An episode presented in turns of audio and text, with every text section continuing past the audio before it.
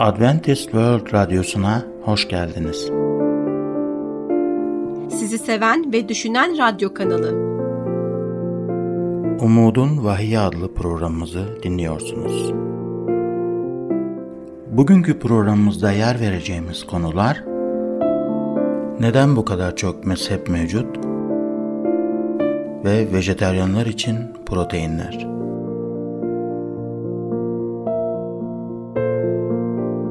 Değerli dinleyicilerimiz, programımıza hoş geldiniz.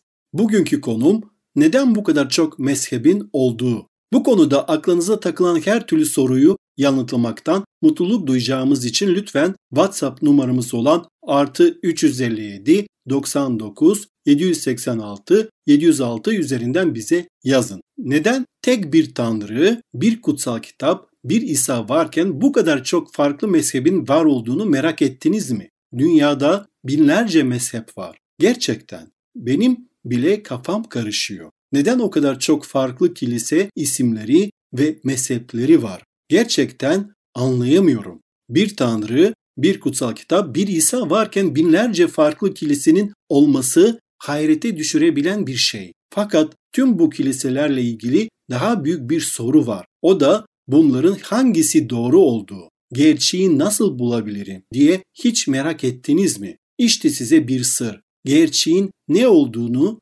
öğrenmek için kiliseye gitmezsiniz. Gerçeğin ne olduğunu öğrenmek için kutsal kitaba, Tanrı'nın sözüne gidersiniz değil mi? Sonra da kutsal kitap ile uyum içinde olmayı öğreten bir kilise bulmalısınız. Her kilisenin öğretilerini araştırmak zorunda olsaydınız binlerce mezhebe bakmanız gerekirdi. Bu bir ömür sürer ve sonunda muhtemelen bütün çelişkili ifadelerle kafanız karışır. O zaman asla bir kiliseye gerçeğin ne olduğunu keşfetmek için gitmeyelim. Bu yüzden programımız için bu temayı seçtik ve ona göre konularımız sunuyoruz. Bir şey kutsal kitapta ise inanıyorum. Kutsal kitap ile uyuşmuyorsa bana göre değildir. Kutsal kitaptaki peygamberlikler neden bu kadar çok mezhep olduğunu açıkça ortaya koymaktadır. Tanrı, vahiy kitabında neden bu kadar çok mezhep olduğuyla ilgili sorumuzun cevabını özellikle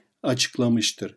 Kutsal kitapta vahiye dönüp baktığımızda bölüm 6'da gökyüzünde dört nala koşan dört atlıyla ilgili harika bir görüm var. Dört atlıya ilişkin bu görümde Tanrı Hristiyanlık tarihinin kutsal kitaptaki diğer yerlerden daha net bir şekilde açıklamıştır. Tanrı İsa'nın zamanındaki ilk yüzyıldan 21. yüzyıla kadar Hristiyanlık tarihini önceden bildirdi. Hristiyanlığın nasıl tek bir hareket olarak başlayacağını, tek vücut sonra farklı mezheplere bölüneceğini açıkladı. Aynı zamanda bu mezheplerin neden ortaya çıkacağını da açıklıyor. Bu tüm kutsal kitaptaki en büyüleyici ve en heyecan verici peygamberlik sözlerinden biridir. Vahiy 6. bölümde bulunan dört atlı kilise tarihinde birbirini izleyen dört çağı temsil eder. Ve bu peygamberlik sözünün yazarı, bu peygamberlik sözünün mühürlerini açan kişi İsa Mesih'in kendisidir. Vahiy 6. 1. ayette şöyle diyor. Sonra kuzunun yedi mühüründen birini açtığını gördüm. Dünyanın kurtuluşundan beri öldürülen bu kuzu İsa'dır. İsa burada bize Hristiyanlığın tarihini anlatıyor. Vahiy 6.1'de şöyle devam ediyor. O anda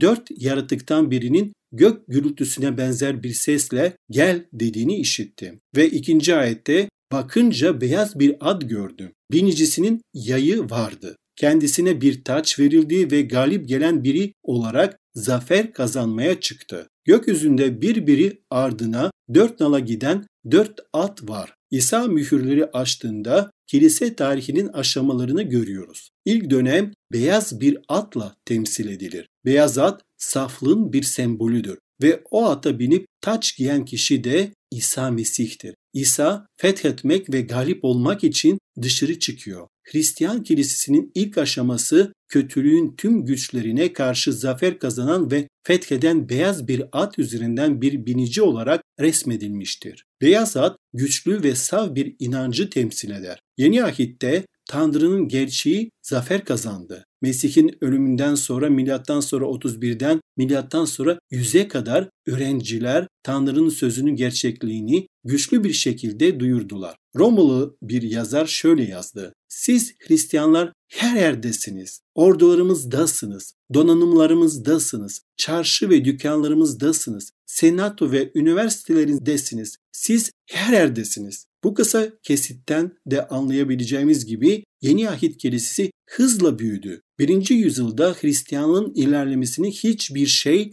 durduramadı. Muzaffer beyaz bir at gibi, fetheden beyaz bir at gibi. Hristiyan kilisesi gökyüzünde dört nala gitti. Müjdenin etkili yayılması durdurulamadı. Erkekler ve kadınlar kendi kişisel hayatlarında gerçeklerden taviz vermediğinde kilisede Tanrı'nın gücü bulunur. Tanrı hatalı bir yeri kutsayamaz. Tanrı'nın gerçeğiyle donanmış ve kutsal ruhla dolu olan ve galip gelen yeni ahit kilisesi tüm Roma dünyasında inanılmaz bir etki yarattı. Fakat böylece ortam değişerek ikinci mühür açıldı. Bu sefer kırmızı bir atı gökyüzünde dört nala koşarken görüyoruz. Vahiy 6.4'te o zaman kızıl renkte başka bir at çıktı ortaya. Binicisine dünyadan barışı kaldırmaya yetkisi verildi. Bunun sonucu olarak insanlar birbirini boğazlayacaklar. Atlıya ayrıca büyük bir kılıç verildi. Şeytan kiliseyi durduramayacağını görmüştü. Çünkü kilise her yerde zafer kazanıyordu. Bu yüzden bir şeyler yapması gerekiyordu. Şiddetli bir kanlı zulüm dönemi başladı. Şeytan siyasi liderleri Hristiyanlara acımasızca zulmetmeleri için ikna etti. Kırmızı at kanlı bir inanç dönemini temsil ediyor. Bu dönemde Hristiyanlar aslanlara atılıyorlardı. Beyaz bir atın güçlü ve sav bir inancı temsil etmesi gibi ikinci mühürdeki kırmızı at da kanla lekelenmiş bir inancı temsil eder. Milattan sonra 100'den milattan sonra 313'e kadar Hristiyanlar kanlı inanç döneminde korkunç bir şekilde zulüm gördüler. Beyaz at havarilerin güç ve saflığı, kırmızı at ise kana bulanmış bir inancı temsil ediyor.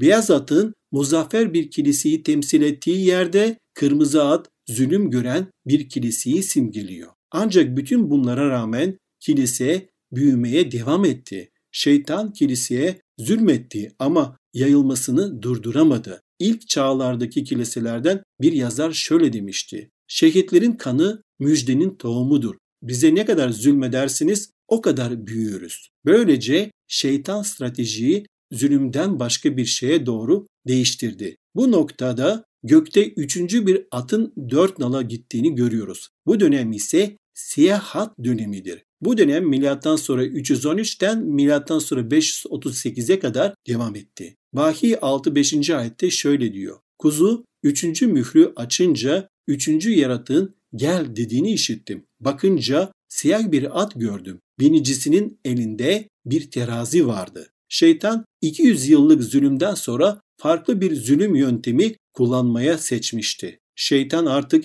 yeni stratejisi uzlaşma sağlamaktı. Usta stratejisi sayesinde bu defa pagan pratiklerini kiliseye getirmeye başardı. Beyaz hat saflığı temsil ettiğinden siyah hat kiliseye gelen uzlaşmayı ve hatayı temsil eder. Bu siyah hat dönemi milattan sonra 313 ve milattan sonra 538'e kadar kilise tarihindeki dönemi temsil eder. Elçi Pavlus kendi zamanında böyle tavizler hakkında endişeliydi. Bakın ne diyor Elçiler İşleri 20, 29 ve 30'da Pavlus Hristiyan kilisesinin liderlerine şöyle der. Ben gittikten sonra sürüyü esirgemeyen yırtıcı kurtların aranıza gireceğini biliyorum. Hatta öğrencileri kendi peşlerinden sürüklemek için sizin aralarınızdan da sapık sözler söyleyen kişiler çıkacak. Kızıl Ad döneminde kurtlar kiliseye dışarıdan saldırdılar. Ancak Siyah Had döneminde insanlar öğretileri Tanrı'nın öğretilerini yerini aldı.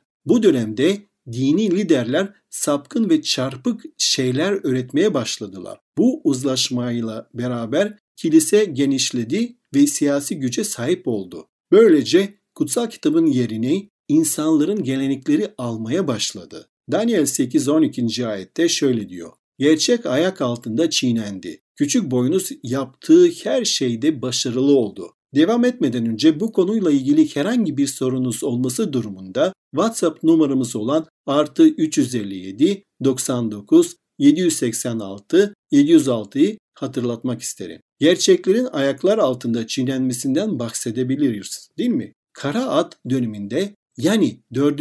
ve 5. yüzyıllarda kutsal kitabın gerçekleri ihmal edildi ve tam olarak anlatıldığı gibi ayaklar altında çiğnendi. Kilise tarihi bu peygamberlik sözünün doğru olduğunu ortaya koymaktadır. Ünlü Hristiyan tarihçi Hristiyan doktrinlerin gelişimi sayfa 372'de şunu söylemiştir. Eusebius bize Konstantin'in yeni dinini putperestlere yaymak için sahip oldukları ve alışmış oldukları putperest geleneklerin yeni dine aktardığını söylüyor. Bir nevi putperest uygulamalarını alıp Hristiyan dinine ilave etmiş. Peki pagan Roma İmparatoru Konstantin'in bunu yaparken amacı neydi? Böylece dışarıdan bakıldığında hem putperestler için kolay olacaktı çünkü o bu putperest uygulamaları eski dinden biliyordu. Sadece o putperest uygulamasının ismini değiştirmişti. Ona bir Hristiyan ismi verilmişti. Elbette putperestlerin Hristiyanla geçmeleri daha kolay olacaktı. Çünkü Hristiyan olduğunda aynı putperest uygulamalarına devam edecekti. Çünkü imparatorluğun işgalci barbar kavimlerine karşı herkesin yardımına ihtiyacı vardı. Hem imparatorluğunda yaşayan putperestlere ve sayısı çok fazla artan Hristiyanlara hem putperestleri ve hem Hristiyanları nasıl bir araya getirebilirdi? Bunu nasıl yapabilirdi? Hatta nasıl yaptı?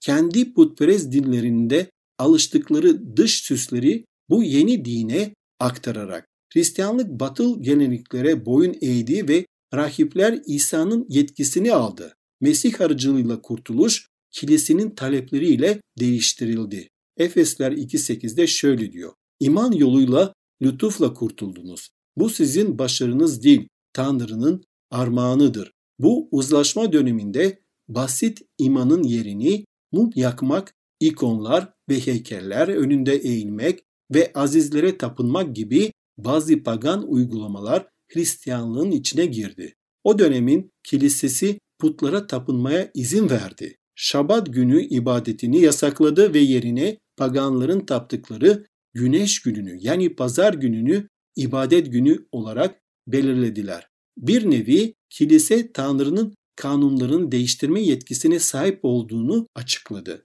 Bu uzlaşma döneminde paganların güneş günü kutsal kitap Şabat'ın yerini aldı. Hristiyan liderlerin çoğu haftanın ilk günü olan güneş gününde yani pazar gününde ibadet etmeye başladı. O dönemin kilisesi ibadeti daha kolay yapalım dedi. Hristiyan olan putperestler için daha kabul edilebilir hale getirelim ve artık pazar günü yani güneşin gününde ibadet edelim. Hristiyan tarihinden tüm bu bilgileri öğrenebilirsiniz. Herhangi bir kütüphaneye gidebilirsiniz ve bu gerçekleri orada bulabilirsiniz. Mesela Doğu Kilisesi tarihi sayfa 184'te şöyle yazıyor. Pazar gününün orijinal ismi Latince'de Dies Solis yani güneş günüydü. Pazar günü ibadet etmek putperest ve Hristiyanları Roma altında birleştirmek için Konstantin tarafından önerilmişti. Şeytanın ana stratejisi güçlü kilise liderlerini bu siyah hat döneminde güçlü devlet liderleriyle birleştirmekti ve birleştirip uzlaşma gerçekleşti. Pagan Roma İmparatoru Konstantin imparatorluğunu birleştirmek için Roma Kilisesi ile birleşti. Pazar günü bir birlik aracıydı. Doktrinsel İlmihal kitabının 3. Amerika baskısının 174. sayfasında soru cevap biçimde yazılan bir kesite bakalım. Katolik Kateşizminin yazarı Rever Stephen Keenan şöyle diyor. Soru olarak kilisenin zorunlu festivaller düzenleme yetkisine sahip olduğunu kanıtlamanın başka bir yolu var mı? Cevap Böyle bir gücü olmasaydı tüm modern din adamlarının onunla aynı fikirde olduğu bir şey yapmazlardı. Kutsal yazılarda hiçbir otorite tarafından yapılmayan bir değişiklik olan 7. gün olan cumartesi gününü kutlamanın yerine haftanın ilk günü olan pazar gününü kutlayamazlardı.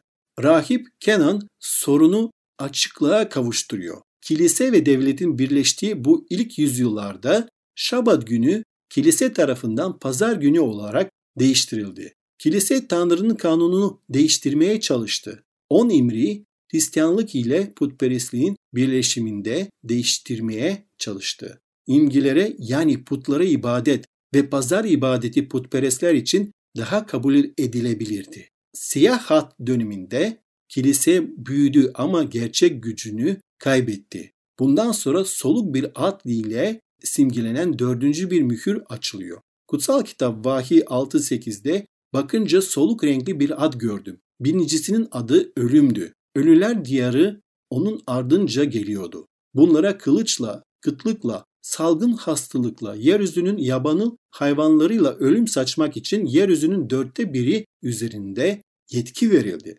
Karanlık çağlar olarak bilinen bu dönem milattan sonra 538'den itibaren kilise büyümüştür. Harika katedraller inşa etmişlerdi. Ancak gerçek kutsal kitabı inanan Hristiyanlara da zulümler edilmişti. Kilise ve devlet birleşmiş ve böylece kilise ruhen ölmüştür. İşte şaşırtıcı bir ifade. Kilise tarihi 2. yüzyıl bölüm 7. kısımda şöyle diyor. Hristiyanlık Roma İmparatorluğunda yerleşik bir din haline geldi ve paganizmin yerini aldı. Karanlık çağlarda var olan Hristiyanlık vaftiz edilmiş paganizm olarak adlandırılabilir. Pagan güneş tanrısının gününü şabatın yerine koyarsınız bu vaftiz edilmiş paganizm olur. Bugün şeytanın kutsal kitabı değiştirmek yerine Hristiyan uygulamalarını, uygulamalarını değiştirmeye çalıştığını gördük. Bundan dolayı Hristiyan dünyasında farklı uygulamalar ortaya çıktığını da gördük. Kutsal kitapta olmayan değişik uygulamalar. O günde bugüne kadar çok farklı mezhepler var. Her kilisenin kendi uygulamaları da olabilir. Ancak bizim için orijinal kutsal kitapta bulunuyor. Sadece kutsal kitap bize hangi uygulamaların doğru olduğunu söyleyebilir. Peki siz Tanrı'nın sözünü ve onun gerçek kilisesini savunacak mısınız? Bugünkü bölümle ilgili herhangi bir sorunuz varsa ya da İsa'ya kalbinizi açıp ona Rabbimiz olarak kabul etmek istiyorsanız veya özel bir duaya ihtiyaç duyuyorsanız lütfen hiç çekinmeyin ve hemen bize WhatsApp numaramız olan artı 357 99 786 706'dan veya e-mail adresimiz olan radyo.umuttv.org adresinden ulaşın. Sizi bekliyoruz. Bugünkü konumuzun sonuna geldik. Şimdi sağlıkla ilgili konumuzla programımıza devam edeceğiz. Bizi dinlemeye devam edin. Görüşmek üzere.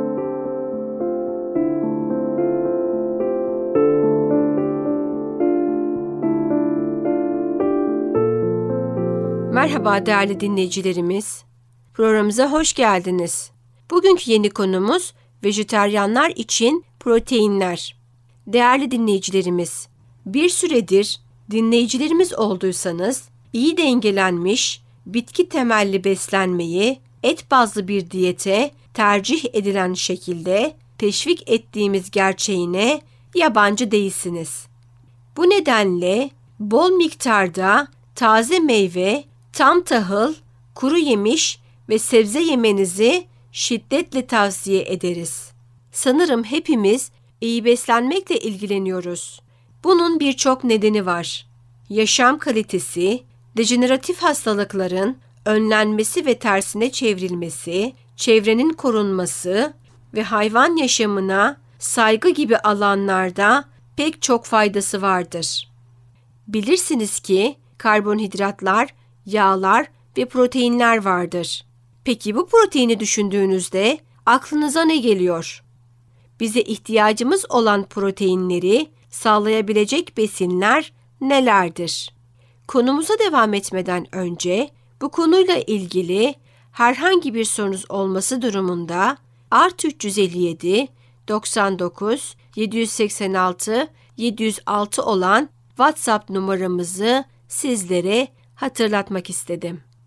Proteinler insan vücudu için gerekli olan besleyici besin gruplarından biridir.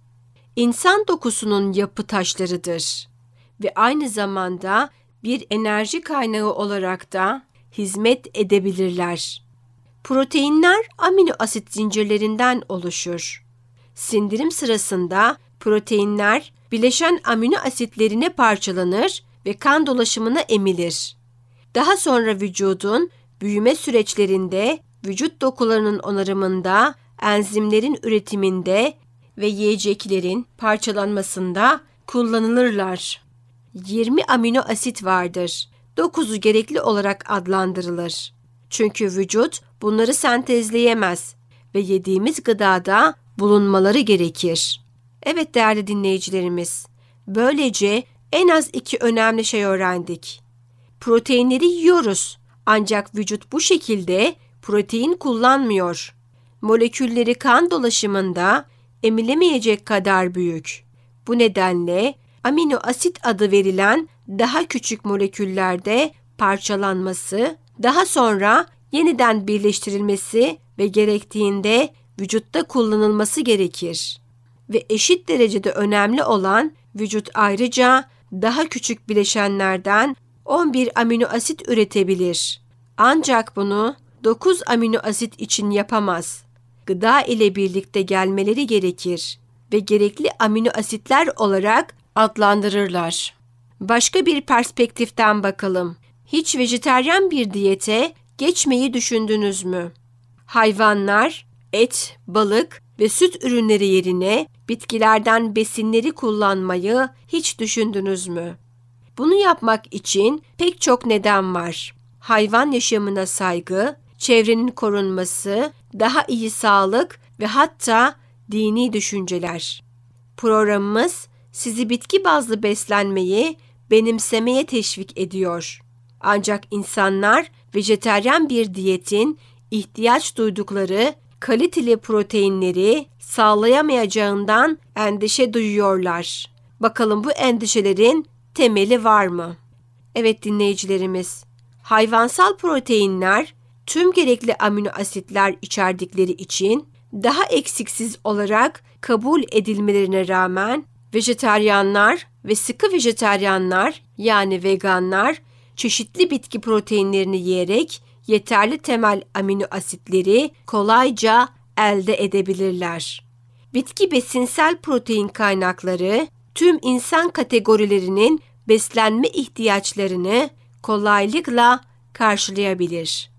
Büyüyen çocuklar, sporcular dahil fiziksel olarak aktif kişiler ve hatta yaşlılar. İşte gerçek anahtar her gün çeşitli bitki proteinleri yemektir. Et olmayan protein kaynakları arasında fasulye, bezelye, mercimek, tahıl ürünleri, soya peyniri, kuru yemişler, tohumlar ve süt ürünleri, yumurta ve süt bulunur. Sürekli olarak sağlıklı beslenmeyi sürdürmek için yüksek yağlı ve tuzlu, çok baharatlı ana yemekleri, et analogları ve derin yağda kızartılmış yiyecekleri minimum düzeyde tutmak gerekir. Basit bir şekilde pişirilen çeşitli bitkiler her yaş grubu için gerekli besinleri sağlayabilir.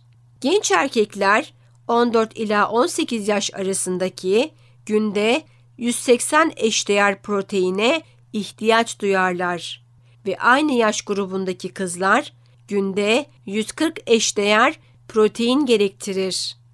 Genel olarak 25 gram eşdeğer protein, çeyrek fincan pişmiş fasulye, bir çay kaşığı fıstık ezmesi, bir avuç fındık ve tohum veya bir yumurtada elde edebilir.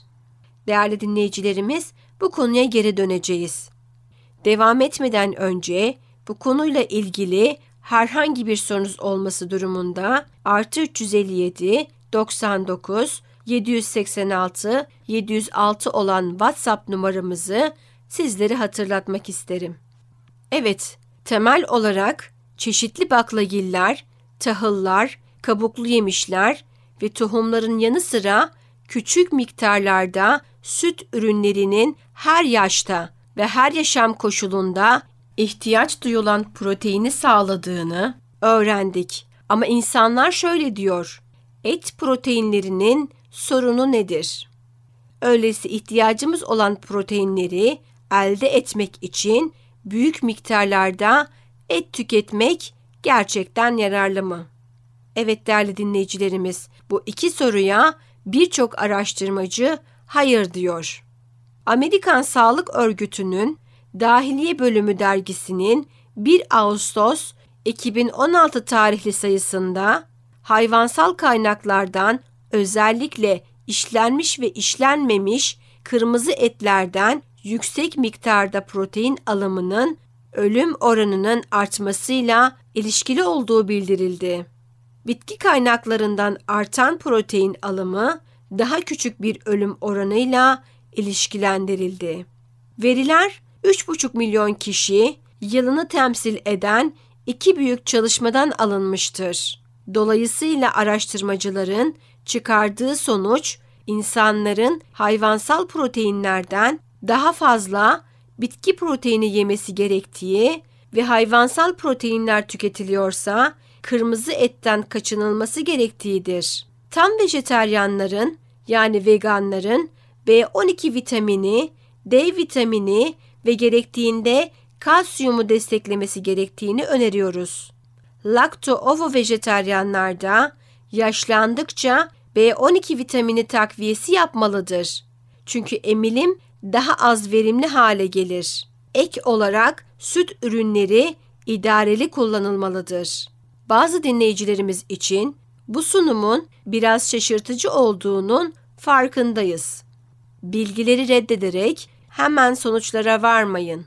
Kendiniz okuyun, düşünün ve kararlarınızı verin ve herhangi bir hayvansal ürünü durdurma konusunda aceleci bir karar vermenizi tavsiye etmiyoruz.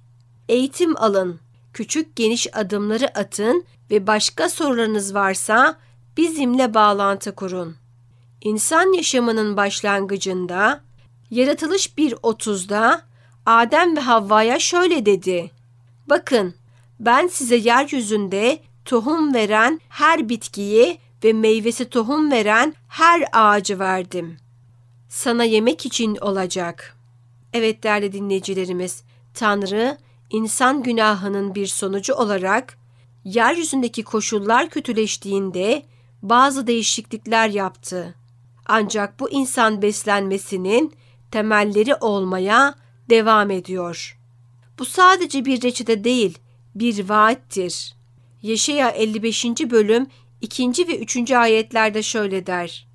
Beni özenle dinleyin ve iyi olanı yiyin ve ruhunuzun bolca zevk almasına izin verin. Kulağını eğ ve bana gel. Duyun, ruhunuz yaşayacak ve sizinle ebedi bir antlaşma yapacağım. Amin.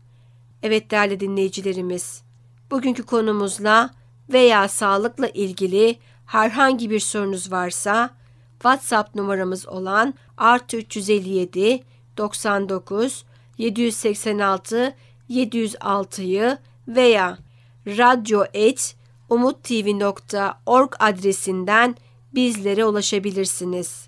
Size cevap vermekten mutluluk duyarız. Evet değerli dinleyicilerimiz, bizi dinlediğiniz için teşekkür ederiz. Bir sonraki programda görüşmek üzere. Hoşçakalın. Gelecek programımızda yer vereceğimiz konular Neden bu kadar çok mezhep mevcut? Ve vejetaryenler için B12. Bugünkü programımızın sonuna geldik. Bir dahaki programda görüşmek üzere. Hoşçakalın.